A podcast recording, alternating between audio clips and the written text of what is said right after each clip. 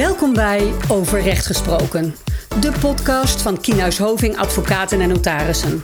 Vandaag met Mark Huizenga. en Anna ten Hagen.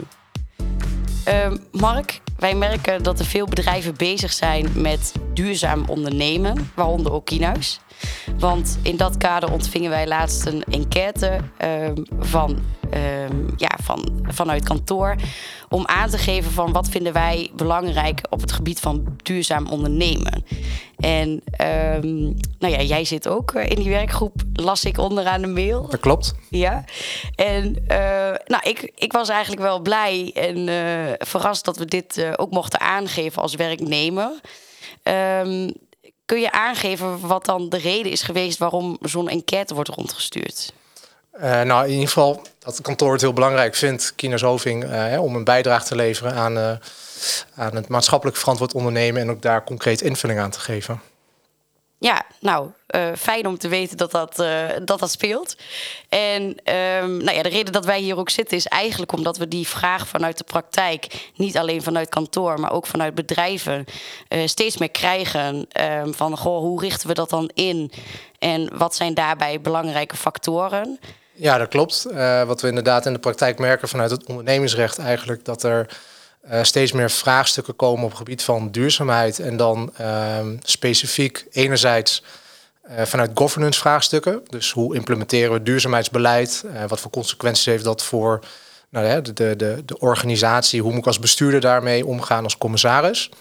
Anderzijds zien we het ook in de overnamepraktijk steeds meer terugkomen, waarbij duurzaamheidsrisico's wel in- geïnventariseerd moeten worden in het, eh, eh, in de due diligence.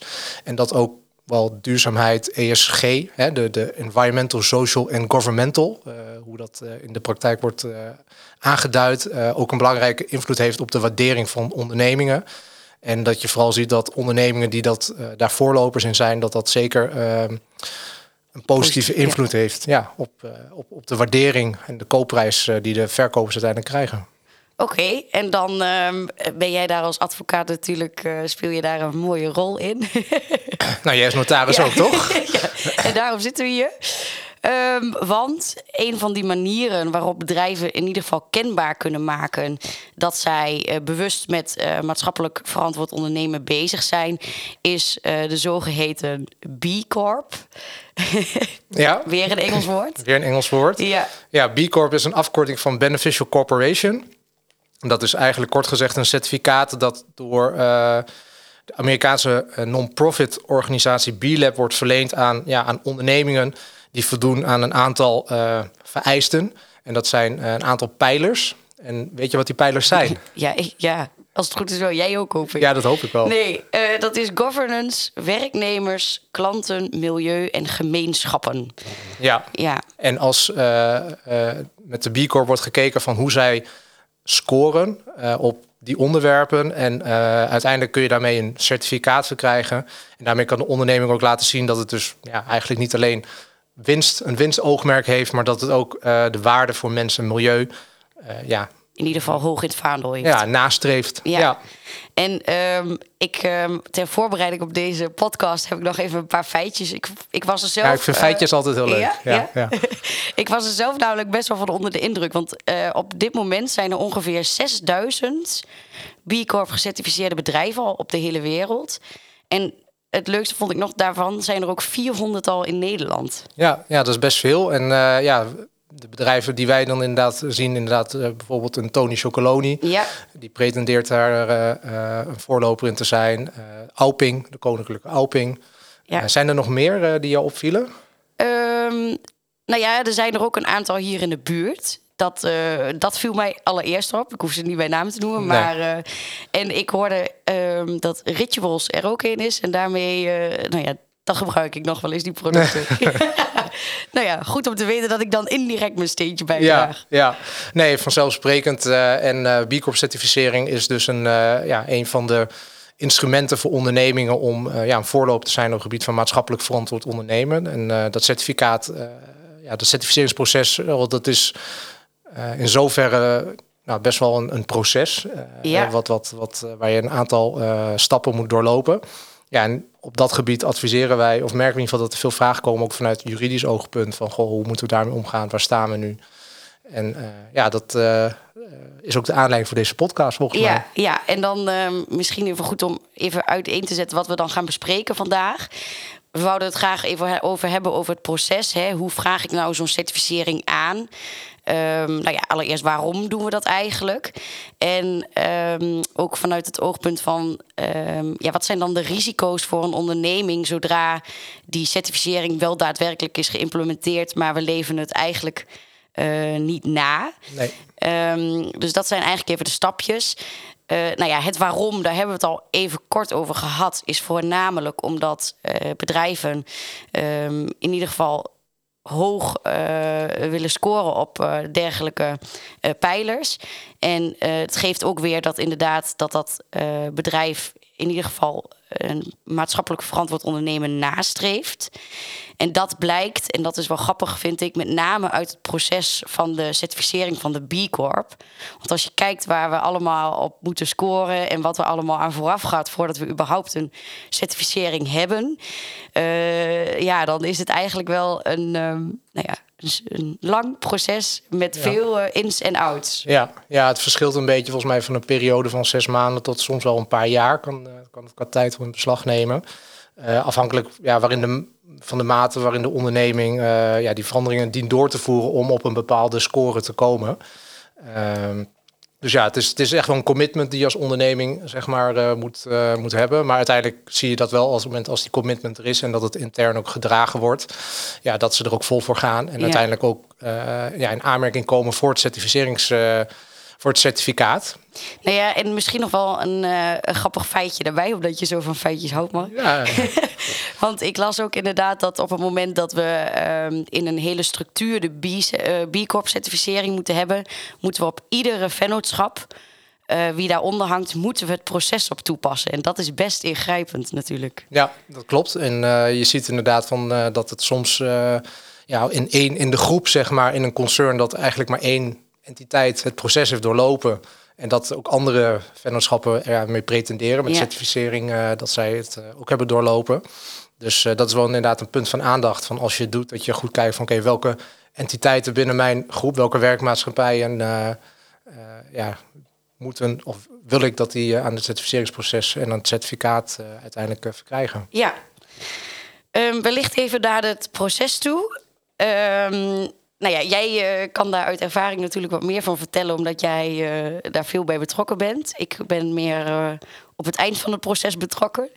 ja, ja, het proces in zoverre is dat, je, dat wij vaak worden ingeschakeld op het moment als de onderneming eigenlijk de nulmeting heeft gedaan. Het zogenaamde ja, B-impact assessment. Wat je dan als onderneming doet, dan hou je eigenlijk je onderneming een spiegel voor van hoe scoren wij op dit moment uh, op die vijf pijlers die je net uh, genoemd hebt. En uh, vervolgens ga je dus eigenlijk aan de slag met die pijlers om op een bepaald niveau te komen. Ehm, en dat kan verschillen van ja, op het gebied van milieu dat je intern ja, toch bepaalde duurzaamheidsmaatregelen neemt, tot CO2 terugbrengen, et cetera. Ook kijkt naar je personeelsbestand, naar nou, ja, van het invoeren van, van man-vrouw gelijkheid, ja. beloning, et cetera. Het, het is heel breed. Ja, en dat, uh, dat kost tijd. Sommige organisaties zijn daar al heel ver mee. Uh, als ze dit proces uh, starten, en andere ja, die scoren toch wel vrij laag. Ja. en wat niet erg is natuurlijk in die zin van, ja, je, ze, ze zijn voornemens om, om, ja, om het beter te doen.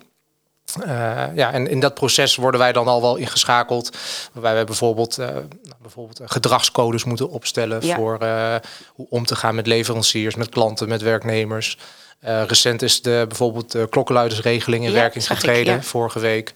Nou, dat is ook natuurlijk een onderdeel wat, wat een rol kan spelen. Ja, hoe je je governance, hoe je je, je werknemers veilig kunt laten voelen. Nou, en die, ja, die, wordt, die wordt dan ook opgesteld door ons. Praten we over van wat vinden jullie belangrijk. Ja, met en, dat, ja. ja. Ja, en, en wat we nog ook wel veel doen, is toch het in kaart brengen van welke regelgeving is nu relevant, wat is de status daarvan. Uh, voor jouw onderneming en jouw sector. En voor ons is het ook nog wat pionieren, omdat er heel veel aanstaande regelgeving is, vooral vanuit Europa.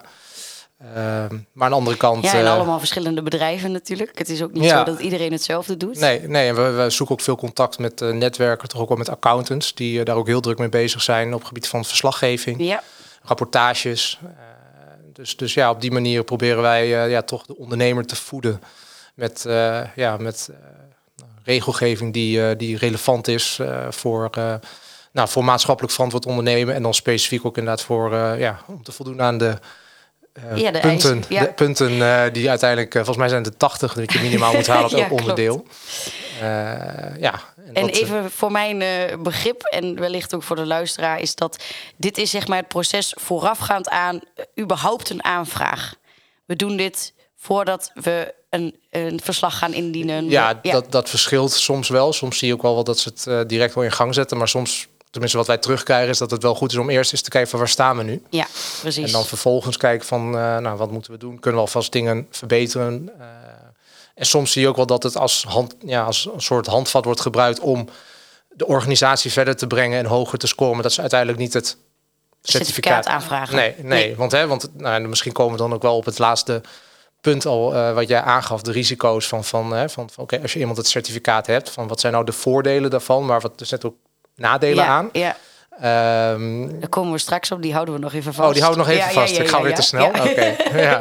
ja, maar dat, dat is in ieder geval wel een, eh, eh, ja, een onderdeel waarvan eh, dat je toch ook soms ziet dat ondernemers zeggen nou van we willen het ja, wel doorlopen, maar het certif- certificaat hoeven we niet Hoeven per we se niet. te hebben, want ja, het stelt natuurlijk ook ja, hogere eisen. Ja, Je, je, je, je pretendeert ermee, je, loopt, je gaat ermee naar buiten, dus dan word je daar ook wel misschien aan gehouden door Ja. eh, externe partijen. Ja, en het is natuurlijk ook wel een mooie manier om überhaupt tot een verduurzaming te komen. Of in ieder geval een maatschappelijk verantwoordere wijze Ja. van ondernemen. Ja. En op dat betreft is dat wel een mooi eikpunt. Maar stel, eh, we gaan toch door. En eh, we gaan het certificaat aanvragen. Dan ehm, dien je een, zo, een formulier in te vullen. ehm, bij eh B-Lab, hè, het bedrijf van eh B Corp. En aan de hand van dat formulier moet je vragen invullen en ehm, met documenten ondersteunen waarom jij dan die keuzes maakt, welke keuzes je überhaupt hebt gemaakt. En nou ja, als we dan daadwerkelijk, we hebben het de hele tijd over die score, hè. Als we dan daar een eh, uitslag op hebben, dan kunnen we scoren op een schaal van 0 tot 200. Nou, dat is wel grappig dat het niet 100 is. Nee. Nee, je moet echt, echt heel Ja, goed zijn. Ja, echt heel goed. 200 procent, Mark. en ehm, nou ja, die score die moet dan, eh, dat is misschien wel goed om te weten, is minimaal 80. Ja. Dus dat is minder dan de helft. Dus dat, eh, dat is dan wellicht een schale troost. Maar ehm, ja, die score die, ehm, die wordt gegeven door B-Lab. Ja. En En volgens mij, tenminste, dat, dat bleek uit de onderzoeken, de laatste onderzoeken, dat eigenlijk een onderneming, ja, gemiddelde onderneming, eh, ongeveer 50 punten scoort. zo, Per, eh, ja, Dat ja, dat, had ik nog even, hè, als je het over feitjes hebt, maar dat is in ieder geval uit eh, ik vond? Ja, ja, ja, ja. Dat, is eigenlijk, dat was in ieder geval vanuit B-Lab was dat een, een bericht Ja. geweest. Dat was, alhoewel ik moet zeggen, dat was van het najaar 2022. Dus ik weet niet dat er nu inmiddels al wat hoger gescoord wordt of nog lager. Ehm, maar ja, het is in ieder geval wel een, een, een, een, eh, ja, een, een, punt dat je zegt, oké, ik scoor hier op 50 punten. Nou, dan heb ik nog een weg te gaan. En dan, ja. ja, dan in het proces zijn er allerlei nou, eh, ja, eh, factoren of in ieder geval eikpunten waar je, waar je aan kunt voldoen om daar naartoe te werken. Oké. En eh, ja, dat, eh, dat, dat, dat wordt echt eh, ja, wel toch dan ingezet ook door, door vanuit de organisatie. Zie dat er een soort projectgroep dan vaak ontstaat. Ja. Vanuit alle lagen. En ja, die, die gaan zich daar dan voor inzetten. Goh, maar 50, dat vind ik echt wel... Ja, nou ja, het is in ieder geval wat hier staat. Ja, ik, ja, ik, misschien moeten we het nog eens een keer verifiëren. Maar ja, ik denk toch dat de, ja, de, de eisen worden ook wel, ja, zijn ook wel hoog. Ja. In zoverre willen ze natuurlijk ook eh, dat het certificaat ook echt daadwerkelijk een, een bepaalde waarde Ja, vertegenwoordigt. Precies, ja. Ehm, aan de andere kant is het ook wel weer dat je in de berichtgeving, volgens mij recent in het Financieel Dagblad werd daar ook wel een keer iets over geschreven, dat, eh, dat ze ook wel zien weer dat ondernemingen, ja, eh, hè, dat, dat ze toch wel heel makkelijk weer dan ja, toch weer terugvallen. Eh, Ja. als ze het certificaat eenmaal hebben. Eh, ja, dat ze het misschien niet goed helemaal naleven of dat ze het eh, niet goed bijhouden. Ehm, nou, en dan, eh, ja, dat, eh, ja, dat is natuurlijk niet de bedoeling. Nee. En misschien dat we dan nu uh, op, op de risico's komen. Daar ben ik nu. Uh, ja, ja, nou ja, wellicht, want nu slaan we de belangrijkste stap voor mij over. Oh ja, oh. Nee, ja. nee uh, zodra we inderdaad die factoren hebben ontvangen, de score, hè, de, ja. het rapport, dan en we voldoen, dan gaan we een, een overeenkomst tekenen samen met B-Lab. Nou, en aan de hand van die overeenkomst verplicht je jezelf eigenlijk tot het veranderen van bepaalde dingen, waaronder de governance van eh, de onderneming. En um, wat dan eigenlijk vooral van belang is voor ons als notariaat, of in ieder geval um, dat in, in lijn met die B-certificering, B-corp, dat daarbij de statuten ook worden gewijzigd. Omdat je in de statuten inderdaad een bepaalde verplichting aangaat als bestuur om je aan die vijf pijlers, of in ieder geval je beleid te voeren aan de hand van die vijf pijlers. Ja. En um, dat is dan wel weer inderdaad de mooie inkopper naar het volgende verhaal. Want... En misschien nog één korte vraag tussendoor. Van wat moet je dan wijzigen in je statuten?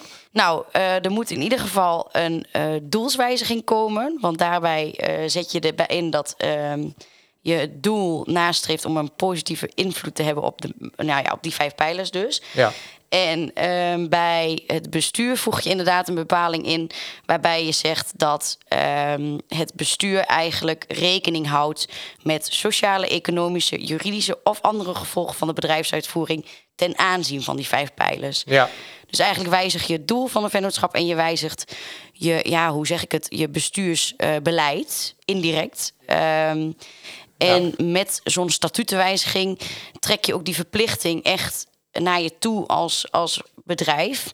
En dat is best wel vergaand. En mensen uh, beseffen zich misschien dat niet helemaal. Het is niet per se vereist om natuurlijk een B-certificering te hebben of een B-corp te zijn om deze wijzigingen door te voeren. Dat kan ook gewoon uit intrinsieke motivatie zijn. Um, maar, en daarom zitten wij denk ik ook hier met elkaar om ook even stil te staan bij uh, hoe, uh, wat gebeurt er dan als we dit wel inzetten, maar vervolgens niets mee doen? Nee, nou ja, inderdaad niets mee doen. Dat, dat, uh, dat, dat, zie je inderdaad in de praktijk wel. Of dat het toch dat je je beter voordoet als onderneming dan je daadwerkelijk bent. Ja.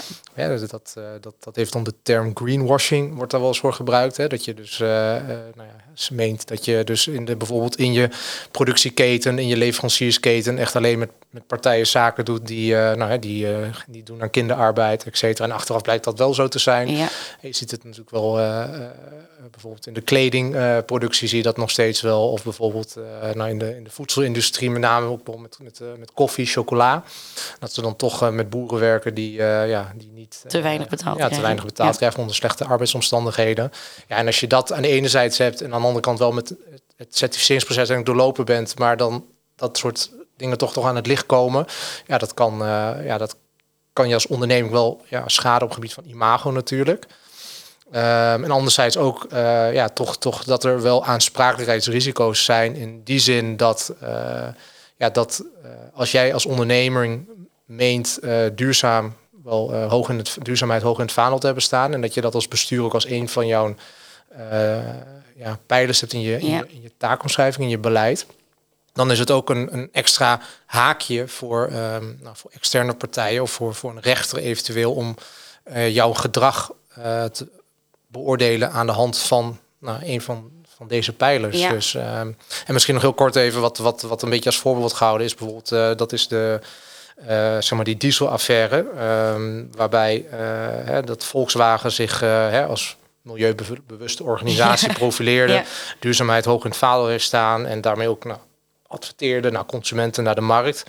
Hè, en dat uh, op het moment, nou, achteraf bleek natuurlijk hè, dat, uh, dat er dat gesjoemeld werd. ja, precies. Uh, hè, dat, uh, dat er gemanipuleerd werd met, met, met, met, met die gegevens van, van de diesel. nou ja, dat dat wel een, voor die rechter was dat wel een extra omstandigheid. te zeggen van ja, dan ook richting de bestuurders.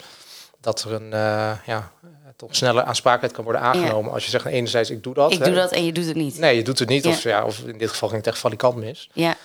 Um, dus ja, dat, dat, dat is misschien wel denk ik iets waar uh, bij stil moet worden gestaan. In ieder geval in de advisering ook. Ja. Hè, als jullie de statuten wijzigen. Dat je zegt van oké, okay, je neemt wel een extra verantwoordelijkheid op je.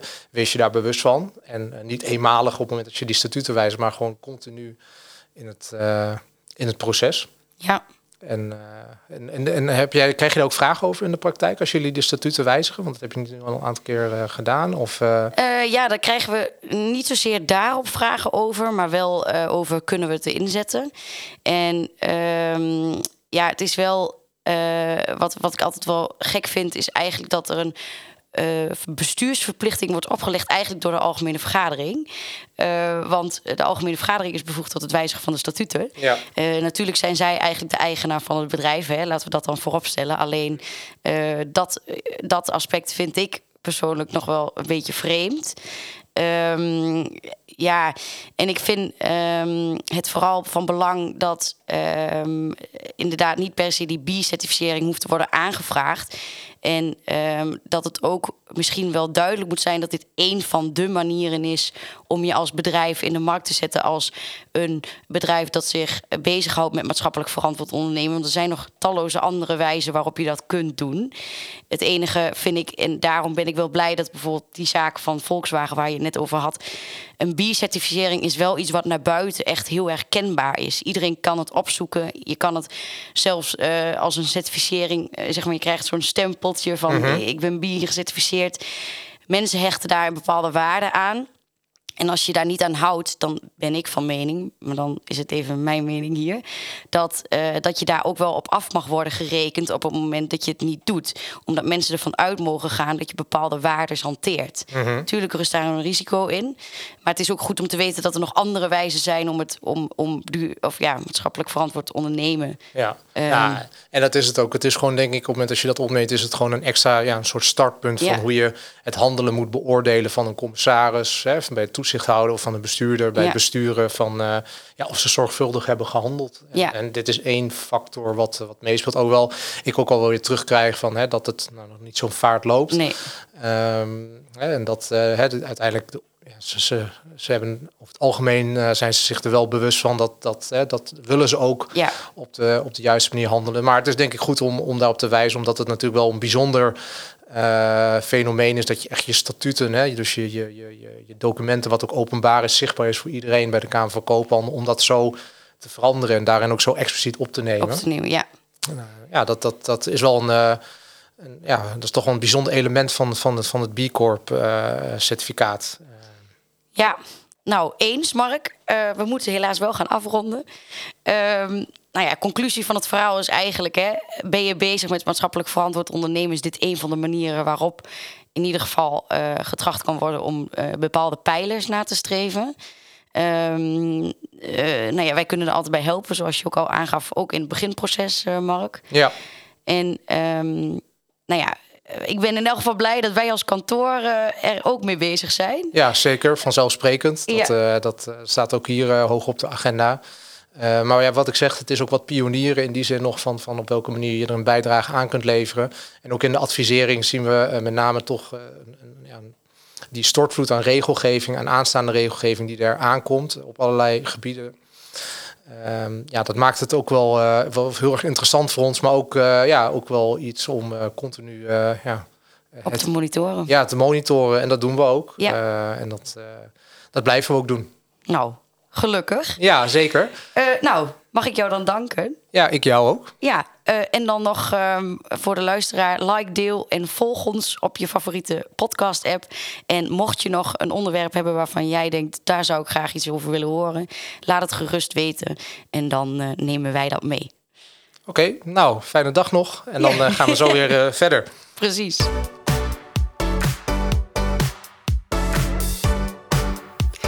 Was Overrecht Gesproken, de podcast van Kina Soving.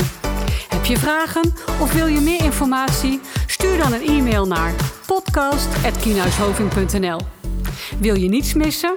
Abonneer je dan op onze podcast via jouw favoriete podcast-app.